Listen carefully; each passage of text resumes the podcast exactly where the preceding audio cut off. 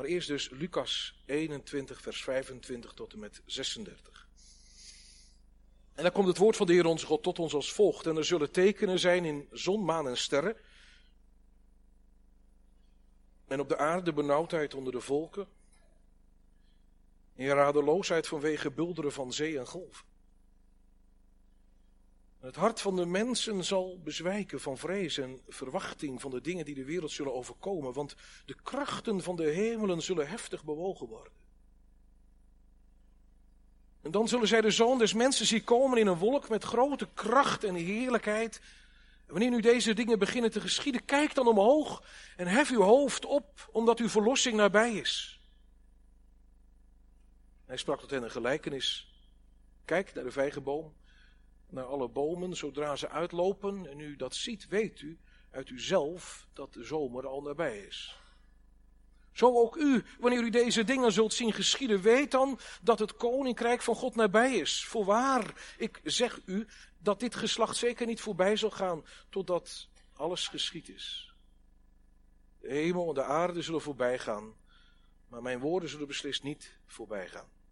Wees op uw hoede dat uw hart niet op enig moment bezwaard wordt door roes en dronkenschap en door zorgen over de alledaagse dingen. En dat die dag u niet onverwachts overkomt. Want als een strik zal hij komen over allen die op de hele aardoppervlak wonen. Waak dan te alle tijden en bid u waardig geacht zult worden, dat u waardig geacht zult worden om al die dingen die gebeuren zullen te ontvluchten en om te kunnen bestaan voor de zoon des mensen. Zover deze eerste lezing. Lezen we nu met elkaar uit Filippenzen 1, vers 1 tot en met 11. Paulus en Timotheus, dienstknechten van Jezus Christus, aan al de heiligen in Christus Jezus, die in Filippi zijn, met de opzieners en diakenen. Genade zij u en vrede van God onze Vader en van de Heer Jezus Christus. Ik dank mijn God telkens wanneer ik aan u denk. In elk gebed van mij voor u allen bid ik altijd met blijdschap vanwege uw gemeenschap aan het evangelie van de eerste dag af tot nu toe. Ik vertrouw erop dat hij die in u een goed werk begonnen is, dat voltooien zal tot op de dag van Jezus Christus. Het is immers voor mij terecht dat ik dit van u allen denk, omdat ik u allen in mijn hart heb als deelgenoten van mijn genade, zowel in mijn gevangenschap als in de verdediging en bevestiging van het evangelie. Want God is mijn getuige hoe vurig ik naar u allen verlang met de innige gevoelens van Jezus Christus. En dit bid ik. Dat uw liefde nog steeds overvloediger wordt in kennis en alle fijngevoeligheid, opdat u kunt onderscheiden wat wezenlijk is. En dan volgen nu de tekstwoorden voor de verkondiging. Opdat u oprecht bent en zonder aanstoot te geven tot de dag van Christus. Vervuld met vruchten van gerechtigheid, die door Jezus Christus zijn, tot heerlijkheid en lof van God. Tot zover deze tweede lezing. Lezen nu met elkaar uit Hebreeën 10, vanaf vers 23 tot en met het einde van dit hoofdstuk. Laten wij de beleidenis van de hoop onwrikbaar vasthouden. Want hij die het beloofd heeft is getrouw en laten wij op elkaar letten door elkaar aan te vuren tot liefde en goede werken. En laten wij de onderlinge bijeenkomst niet nalaten, zoals het bij sommigen de gewoonte is, maar elkaar aansporen en dat zoveel te meer als u de grote dag ziet naderen. Want als wij willens en wetens zondigen, nadat wij de kennis van de waarheid ontvangen hebben, blijft er geen slachtoffer voor de zonde meer over. Maar slechts een verschrikkelijke verwachting van oordeel en verzengend vuur dat de tegenstanders zal verslinden. Als iemand de wet van Mozes te niet gedaan heeft, moet hij sterven zonder barmhartigheid op het woord van twee of drie getuigen. Hoeveel te zwaarder straf, denkt u, zal hij waard geacht worden die de Zoon van God vertrapt heeft en het bloed van het verbond, waardoor hij geheiligd was, onrein geacht heeft en de geest van de genade gesmaad heeft. We kennen immers hem die gezegd heeft, mij komt de wraak toe, ik zal het vergelden, spreekt de Heer. En verder, de Heer zal zijn volk oordelen. Vreselijk is het te vallen in de handen van de levende God. Maar herinner u de dagen van wel eer, waarin u, nadat u verlicht was, veel strijd in het lijden hebt verdragen. Nu eens werd u zelf door smaad en verdrukking tot een schouwspel gemaakt. Dan weer deelde u het lot van hen die zo behandeld werden. Want u hebt ook medelijden gehad met mij in mijn boeien. En de beroving van uw eigendommen met blijdschap aanvaard. In de wetenschap dat u voor uzelf een beter en blijvend bezit in de hemel hebt. Werp dan uw vrijmoedigheid niet weg, die een grote beloning met zich meebrengt. Want u hebt volharding nodig, opdat u na het volbrengen van de wil van God de vervulling van de belofte zult verkrijgen. Want, nog in een korte tijd, en hij die komt zal komen en zijn komst zal niet uitblijven. Maar de rechtvaardige zal uit het geloof leven. En als iemand zich onttrekt, mijn ziel heeft in hem geen behagen. Wij zijn echter geen mensen die zich onttrekken en daardoor naar het verderf gaan. Maar we zijn mensen die geloven tot behoud van hun ziel. Met de hulp van Gods geest denken we na over de grote dag van Christus bewust en actief tegemoet leven. Gemeente, het is ruim een jaar geleden, dinsdag 16 oktober 2018, dat het dan eindelijk zover was. Zijn majesteit, koning Willem-Alexander en ook hare majesteit, koningin Maxima, brachten een werkbezoek aan de provincie Zeeland. Onder andere ook aan het dorp waar ik mag wonen, Sint-Philipsland. En dat bezoek dat kwam natuurlijk niet zomaar uit de lucht vallen. Stond al geruime tijd gepland. En de nodige voorbereidingen waren ook getroffen. In Brunisse hadden ze in de haven een prachtige oranje loper uitgelegd, waarover het koningspaar richting de boot liep die hen overvoer naar Flipland. En aan Fliplandse kant aangekomen, werden ze bij Hotel Oosterschelde allerhartelijkst ontvangen door kinderen, jongeren, volwassenen en ouderen. Er werden bloemen en tekeningen overhandigd. Er werden handen geschud en foto's gemaakt, selfies. Het leek haast wel een koningsdag. Maar dat was het niet. Het was namelijk een werkbezoek. En dus waren er nog meer mensen die de koning en de koningin opwachting maakten. Naast de burgemeester waren er ook agrariërs, vertegenwoordigers van proeftuin, precisielandbouw. Er waren ook mensen van het waterschap samen met studenten. Het was allemaal tot in de puntjes voorbereid. Het koningspaar werd verwacht. Er werd naar ze uitgezien. Alles en iedereen stond klaar om hen te ontvangen. Nu vanmorgen. Vanmorgen gaat het in de verkondiging ook over de dag waarop er koninklijk bezoek komt. Nou ja, bezoek komt. Dat zeg ik eigenlijk helemaal niet goed. Het ligt namelijk nog wel even iets anders, want het gaat hier niet om een werkbezoek zoals 2000 jaar geleden, maar zijn majesteit koning Christus zal opnieuw komen. Zal opnieuw fysiek komen. En hij zal komen om nooit meer te vertrekken. Om voor eeuwig te blijven. Paulus schrijft voor de tweede keer hierover in dit eerste gedeelte van de brief aan de gemeente van Filippi over de komst van de Heer Jezus. En hij doet dat op zo'n manier, gemeente, dat daaruit blijkt dat de gemeente van Filippi al wel kennis heeft van het feit dat koning Christus komt. Als hij eenvoudigweg schrijft, de dag van Christus.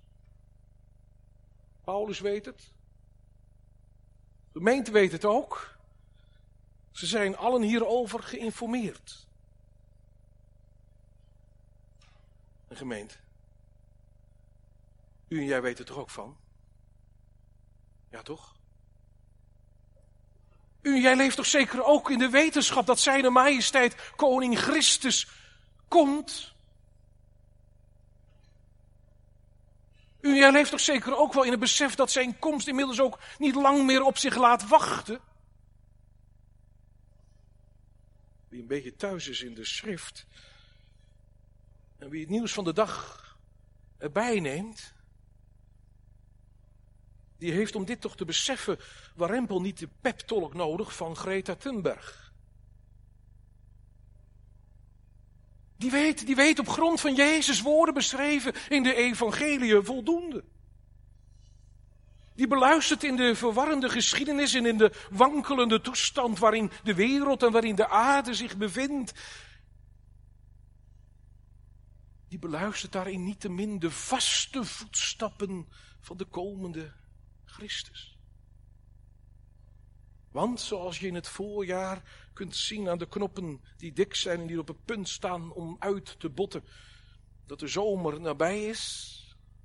Of zoals de apostel Jacobus het zegt, iets meer passend in de tijd waarin wij nu leven, zoals de boer weet dat wanneer de herfst invalt, de tijd nabij is waarop de kostbare vrucht geoogst kan gaan worden. Maar zo is het toch ook met deze dingen, gemeente?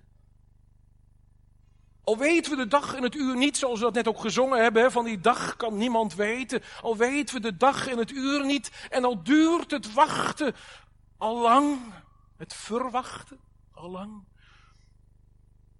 Voor onze beleving misschien al heel erg lang.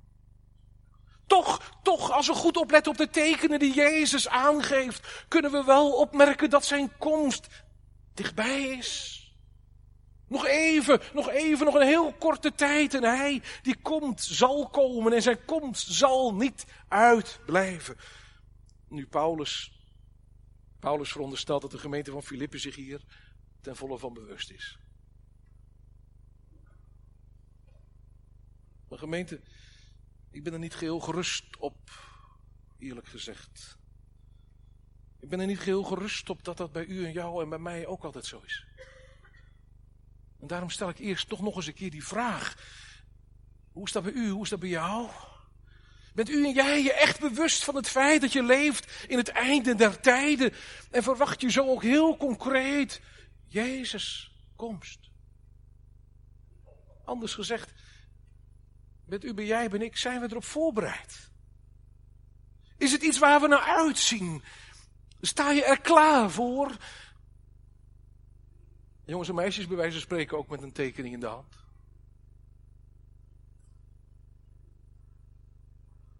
Ook onder ons, ja misschien juist ook wel onder ons, zijn er toch wel heel veel die denken, nou, het duurt nou zo lang. Het zal ook nu nog wel even een tijdje duren, denk ik. Het zal zo'n vaart wel niet lopen, of het zal mijn tijd wel duren. Maar gemeente, dat is een misvatting hoor. Dat is een misvatting. Zelfs, zelfs in de wereld om ons heen kun je al lang niet meer aankomen met opmerkingen als zo'n vaart zal het wel niet lopen of het zal mijn tijd wel duren. U kent hem misschien wel, professor Robert Dijkgraaf, bekend van de televisie van de Wereld Draait Door University. Hij geeft colleges, televisie, en hij schetst in een van die colleges dat op pakkende wijze. Hij bepaalde zijn gehoor bij het feit dat in onze dagen de ontwikkeling op nagenoeg alle technologische gebieden exponentieel versneld. Wat begon met de industriële revolutie en langzaam evolueerde. Stoommachines, elektrisch aangedreven machines. Dat gaat de laatste jaren mega snel. En noem als voorbeeld eventjes de computer eerst. In 1938 werd dat ding voor het eerst operationeel. Als een mechanisch apparaat. De allereerste elektronische versie met 18.000 buizen, moet je horen. 70.000 weerstanden. Een vijf klaslokalen groot. Werd gebouwd in de 40 jaren van de vorige eeuw. Met een rekenkracht van een fractie van de apparatuur die wij nu in onze broekzak dragen. Dat is nog maar 80 jaar geleden. En dan over dat ding wat we in onze broekzak dragen, de mobiele telefoon. Waar we nu alles mee kunnen die startte zijn ontwikkeling in 1973, nog maar 46 jaar geleden. En in 1998 zeiden mensen die willekeurig zo op straat werden geïnterviewd, dat ze, dat, dat ze aan, dat, aan, zo'n mobiele telefoon helemaal geen behoefte hadden. Draadloze telefoon. Het zal zo vaart wel niet lopen, zeiden ze. Dat is nog maar twintig jaar geleden. En kijk nu eens waar we staan en vooral kijk eens waar het naartoe gaat. Nee, je kunt niet meer zeggen het zal mijn tijd wel duren, want het duurt je tijd niet. We leven in een tijd van megasnelle veranderingen op allerlei gebied. Denk aan genetische manipulatie, robotisering, kunstmatige intelligentie. Maar ook aan de gevolgen die deze ontwikkelingen met zich meebrengen. Wil je de toekomst aankunnen, zo was zijn oproep, dan zou je proactief in het leven moeten staan. Anders mis je morgen de boot. En heb je overmorgen al geen kansen meer in deze maatschappij. En zijn advies is dus neem vandaag nog de tijd om goed over je toekomst na te denken. Want dat is belangrijker dan je denkt. Nu gemeente, hoeveel te meer, hoeveel te meer geldt dat voor ons christenen dan niet? Als op allerhande wijze duidelijk wordt dat de tijd voortsnelt als nooit tevoren, de dag van Christus tegemoet. En als je de ontwikkelingen en de snelheid van de ontwikkelingen overziet, en je beseft hoe meer en meer de deuren wagenwijd openstaan voor de antichrist, waardoor hij meer en meer probeert de macht naar zich toe te trekken. Zoals geprofiteerd in het Bijbelboek Openbaring. Nou, dan weten we het toch. Dan kun je toch niet meer zeggen, het zal mijn tijd wel duren. Want wie zegt dat dat zo is? Wie zegt dat het jouw tijd wel zal duren? Nog een weinig tijd en Christus komt. Ja, hij is komende. Wel nu, als dat zo duidelijk is dat de dag van Christus meer daarbij is dan ooit tevoren. En als we dan ook nog eens Jezus woorden daarbij in ogenschouw nemen als hij zegt dat de laatste dagen verkort zullen worden omwille van de uitverkorenen. Zouden wij ons dan niet eens te meer hebben te bezinnen over en bewust te zijn van de toekomstige dag, de grote dag van Christus? Wel, nu zegt apostel Paulus, nu juist met het oog daarop, Juist omdat Christus komende is, juist met het oog daarop, is hetgeen ik in de versen 9 en 10a aan jullie geschreven heb, gemeente te Filippi, over mijn gebed voor u, om meer en meer te groeien in de liefde. Om zo meer wijsheid en fijngevoeligheid te verkrijgen, opdat u kunt onderscheiden waar het op aankomt in, de, in het christelijk leven, in een heidense context. Gemeente van Filippi, dat gebed bid ik voor u juist met het oog op die grote dag van Christus. Daar, daar gaat het heel concreet op aan. En dan, ja, dan komt het er ook op aan. Want in dat licht, in het licht van de komende Christus, worden o zoveel dingen betrekkelijk. Het licht van de jongste dag die komt, werpt een veelzeggende gloed over het leven van alle dag dat wij nu leven. Want wat maken we ons vaak druk over van alles en nog wat, over van alles en nog wat, dat op de dag van Christus geen blijvende betekenis zal blijken te hebben. Want op de dag van Christus komst blijft alleen over wat echt waarde heeft. Alleen wat waardevol is voor God, dat blijft. En wat minder vol is of wat op geen wijze van waarde is, dat zal op die dag vergaan. En daarom, apostel Paulus roept ze tot u op, leef je leven alsjeblieft in het licht van die komende dag. Leef je leven van alle dag alsjeblieft in het licht van de jongste dag. Wees niet slechts bezig met het onderwerp duurzaamheid, ziende op dit tijdelijke leven, ziende op deze schepping. De schepping die op de grote dag van Christus door God totaal en helemaal vernield zal worden. Maar leef veel meer nog duurzaam met het oog op de eeuwigheid die staat aan te breken. Ja, maar Paulus, waar komt het dan op aan? Waar komt het dan op aan met het oog op die dag? Wel, zo zegt Paulus in vers 10b, dan komt het aan op de vraag of u en jij en ik oprecht bevonden zullen worden. Oprecht bevonden. Moet u weten, gemeente, dat het Griekse woord voor oprecht, eilikrines, een woord is dat is samengesteld uit twee woorden. Namelijk het woordje ilio, dat betekent zon, en het woordje enkrisi, dat is gekeurd. Zon en gekeurd, samengevoegd in het ene woord oprecht. Oprecht bevonden wordt dan ook, betekent dan ook letterlijk in het zonlicht gekeurd en zo zuiver rein bevonden. Ons woord zonneklaar komt daar vanaf. In het zonlicht gekeurd en zo zuiver rein bevonden. En tegelijk bevat het dus ook die notie van in het zonlicht goed ernaar gekeken. Zo, zo moet u de dag van Christus tegemoet leven, zegt Paulus. Nou, waar komt het dan op aan? Ik formuleer Paulus' woorden dan nog iets eenvoudiger. Het gaat erom dat wij niet oppervlakkig naar onszelf kijken. Het gaat erom dat we ons leven niet inrichten en beoordelen naar onze eigen normen, maar dat we op, de, op weg naar de dag van Christus ons leven voortdurend tegen het zonlicht houden van de zonne der gerechtigheid. Christenen moeten hun leven goed tegen het licht houden, tegen het licht Christus. Ik moest er even aan denken, een voorbeeldje. Het is net als je kleding gaat kopen in de kledingwinkel. Dan hoor ik het ook wel zeggen. En mijn eigen vrouw zegt het ook wel eens. Mag ik even buiten kijken in het daglicht? Ze heeft het aan. Ik wil even buiten zien. Dan kan ik beter zien hoe het er qua kleur uitziet. Want ja, je wilt immers wat je koopt. Je wilt zeker zijn dat het goed is, dat het naar je zin is.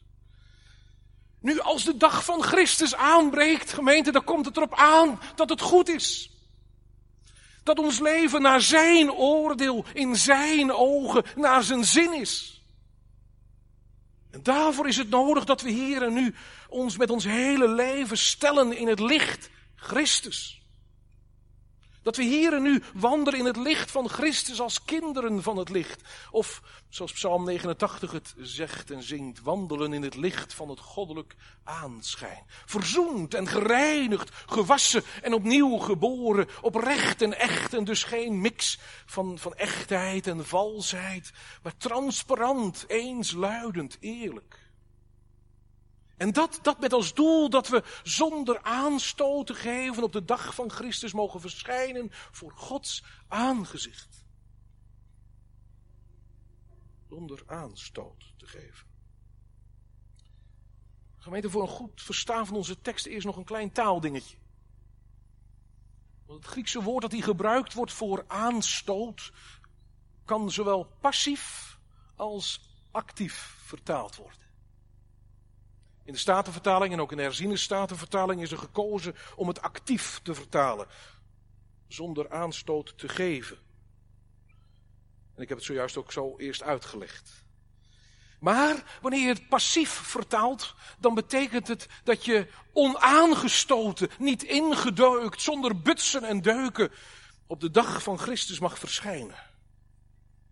Wel nu, Paulus zegt hier negatief geformuleerd, wanneer we niet groeien in de liefde van Christus en wanneer er dus geen vermeerdering van kennis en fijngevoeligheid is en we zonder onderscheid te maken tussen goed en kwaad voortleven.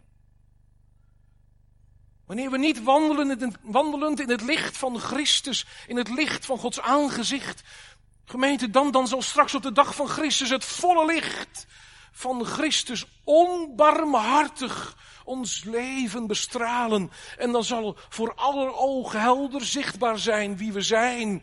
dan worden we gebutst en gehavend bevonden. Niet goed. Niet naar zijn wil, niet naar zijn zin. Niet gerechtvaardigd door het geloof. Dan ben je verloren, dan ben je voor eeuwig verloren. Dan heb je misschien wel de naam christen gedragen, maar dan ben je niet van Christus. Dan is je leven niet in Christus gerechtvaardigd. Nou, zo wil je toch niet dat het zal zijn straks, hè? Daar heb je jezelf toch niet voor over? Daar heb je je kind toch niet voor over? Daar heb je je man, daar heb je je vrouw toch niet voor over? Daar hebben we elkaar toch niet voor over? Daar heb je allen die je lief en dierbaar zijn toch niet voor over. Nou, vandaar, vandaar ook dit gebed van Paulus. Hij bidt God en hij spoort de gemeente leden te Filippi, die Paulus vol liefde in zijn hart draagt. Paulus spoort ze aan om hun leven, om hun woorden, om hun daden vrijwillig in het licht te stellen, het licht Christus te stellen.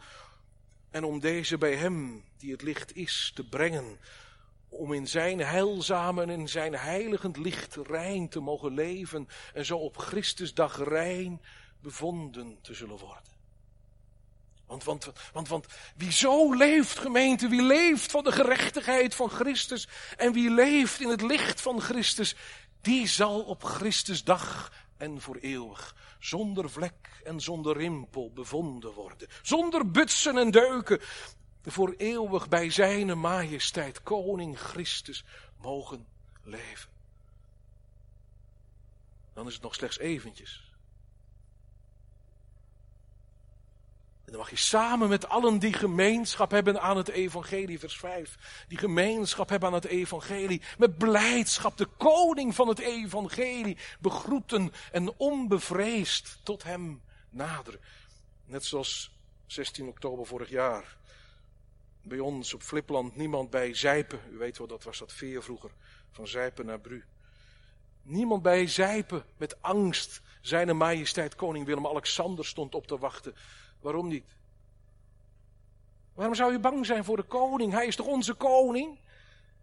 Wij zijn toch zijn onderdanen. Nu zo mogen de gelovigen zijn majesteit, koning Christus verwachten en opwachten, verwachten en opwachten met blijdschap en met verlangen.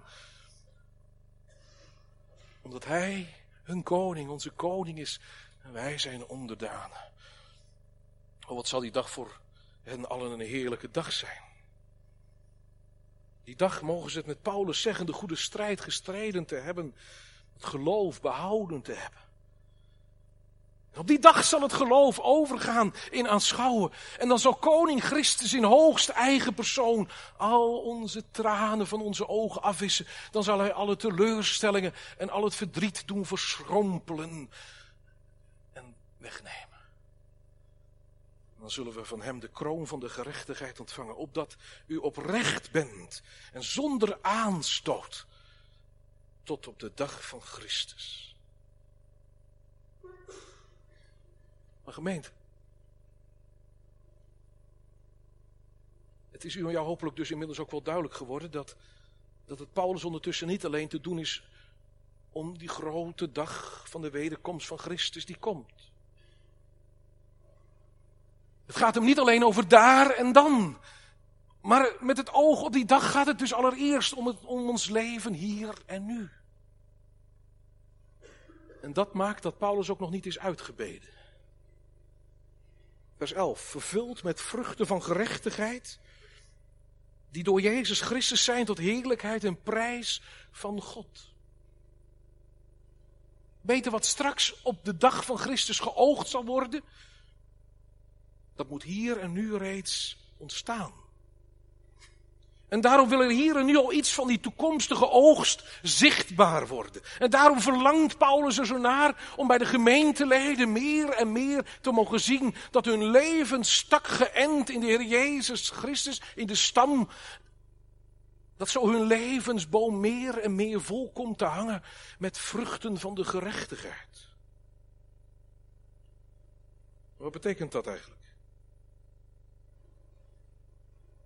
De woorden rechtvaardig en gerechtvaardigd zijn in de verkondiging inmiddels al een paar keer gevallen. En nu staat er, gaat het over vruchten van gerechtigheid. Nou, ik weet niet hoe het u en jou vergaat, gemeente, maar als ik dat dan lees en ik die woorden hoor, dan vind ik dat zulke grote, massieve woorden. Hè? En niet alleen dat, maar ook stuk voor stuk onhaalbare zaken. Want, want wie van ons zal nou ziende op zichzelf ooit durven zeggen dat hij, zij straks rechtvaardig voor God zou kunnen verschijnen zonder verschrikking? Wie van ons durft te denken dat zijn haar leven vruchten zal voortbrengen die, die voortkomen uit een recht leven met God?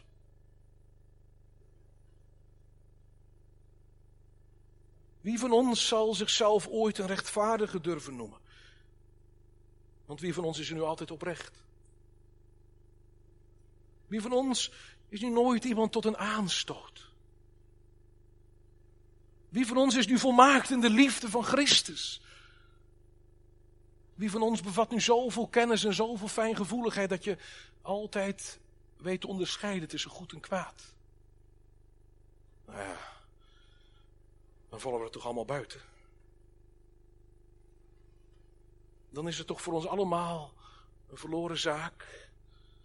Voor eeuwig verloren. Ook op de dag van Christus. Nou, luister goed, gemeente, hoor. Want, want die woorden rechtvaardig en gerechtigheid, dat zijn woorden die afkomstig zijn uit het Oude Testament. Als er in het Oude Testament gesproken wordt van, van een rechtvaardige, dan is dat niet iemand die zonder zonde is. Maar dan gaat het over iemand die in de juiste verhouding is komen te staan tot de Heer. De rechtvaardige is in zichzelf niet rechtvaardig, maar, want in zichzelf blijft ieder mens een onrechtvaardige. Maar de, maar de rechtvaardige wordt rechtvaardig genoemd doordat hij op de Heer heeft leren vertrouwen. En Nieuw-Testamentisch, mogen we het zo zeggen, wie in erkenning en in, in vertrouwen ziet op de Heer Jezus Christus als de Curios, als de Zoon van God, als de gezalfde, als de Messias. Die zal rechtvaardig gerekend worden op grond van de gerechtigheid van Christus, van Hem. Wie zijn haar leven stelt in het licht van Christus. Nee, gemeente, die ontdekt niet alleen eigen ongerechtigheid, maar die vindt in datzelfde licht van Christus zijn gerechtigheid voor mij, voor zondaar.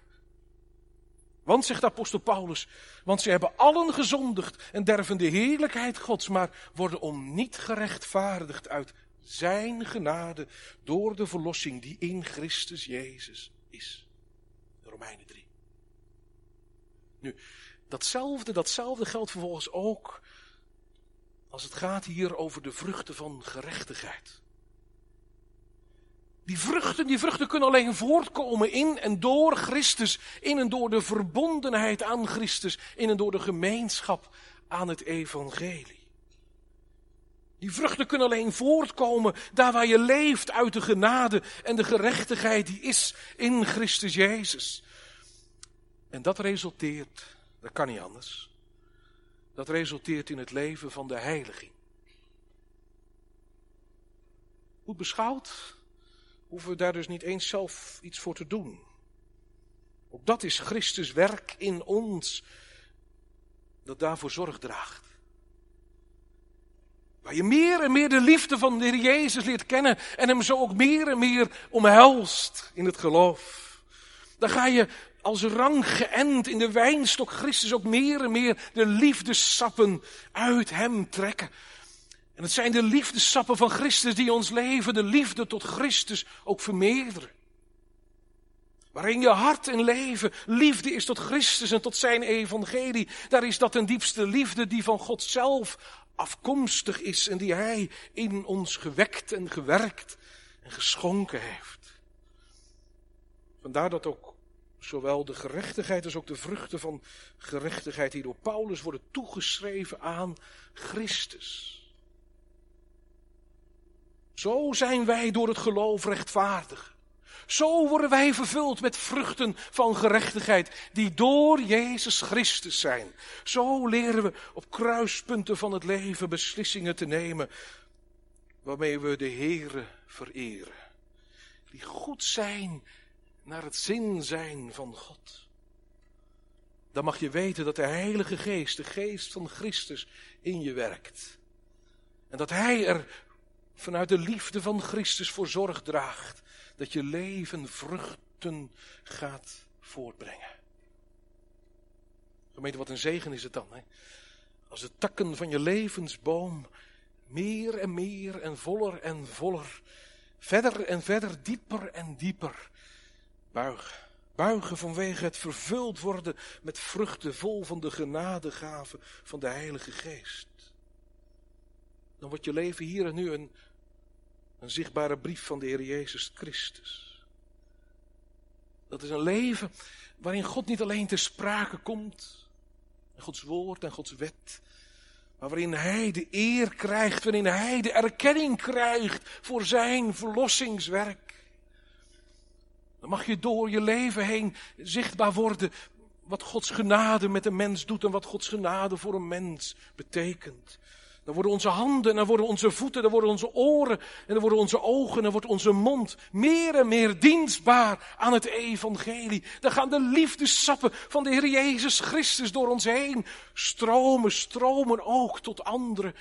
Zoals de Heer Jezus het ook uitgeroepen heeft toen hij stond op het tempelplein op het Loofhuttenfeest. Die in mij gelooft, zoals de schrift zegt. Stromen van levend water zullen uit zijn binnenste vloeien. Nee, het is waar dat ervaar je als gelovige lang niet altijd zo bij jezelf. Maar gemeente, de volle oogst van de vruchten van gerechtigheid, die door Jezus Christus zijn, die zal op de grote dag van Christus ten volle openbaar komen. Dan, dan zal Jezus het van zijn kinderen vertellen, wat zij voor hem gedaan hebben. Wij weten het niet eens meer, maar hij wel. Dan, dan zal hij zeggen, ik had honger en u hebt mij te eten gegeven. Ik had dorst en u hebt mij te drinken gegeven. Ik was een vreemdeling en hebt mij, gij hebt mij gastvrij onthaald. Ik was naakt en u hebt mij gekleed. Ik ben ziek geweest en u hebt mij bezocht. Ik was in de gevangenis en u bent bij me gekomen. Dan zullen de rechtvaardigen, hoort u? Dan zullen de rechtvaardigen zeggen, heren, Wanneer, wanneer hebben wij u hongerig gezien en te eten gegeven? Of dorstig en te drinken gegeven? Wanneer hebben wij u als een vreemdeling gezien en gastvrij onthaald of naakt en hebben u gekleed? Wanneer hebben wij u ziek gezien? Of, of in de gevangenis en zijn bij u op bezoek gekomen? Dan, dan zal zijn majesteit koning Christus antwoorden. Voor zover u dit voor een van deze geringste broeders van mij gedaan hebt, hebt u dat voor mij gedaan. Kijk, dat is nu leven tot heerlijkheid en tot prijs van God. Dat is vruchtbaar leven, waarin de vruchten van gerechtigheid Gods heerlijkheid weerspiegelt. En geheiligd door Christus zijn ze ook werkelijk tot lof en prijs van God. En zo wordt de cirkel, zou je kunnen zeggen, rond. Het begint boven, het komt van boven. En dan gaat het ook weer terug naar boven. Het eindigt ook boven. De liefde van God daalt neer vanuit de hemel. En de opbrengst van zijn liefde keert weer in de hemel. Tot God. Gemeente, zo te leven. Zo Christusdag actief verwachten, actief tegemoet leven. Daar bidt Paulus om. Oh, wat een heerlijke, wat een rijke, wat een gunnend gebed, vindt u ook niet? Nou, wat is dit gebed het dan meer dan waard? Om ook door ons gebeden te worden. Met en voor elkaar. Dit bid ik God. Dat u meer en meer rijk zult zijn in de liefde van Christus. In kennis in alle fijngevoeligheid. Opdat u kunt onderscheiden wat wezenlijk is, waar het op aankomt. Opdat u oprecht bent en zonder aanstoot tot de dag van Christus.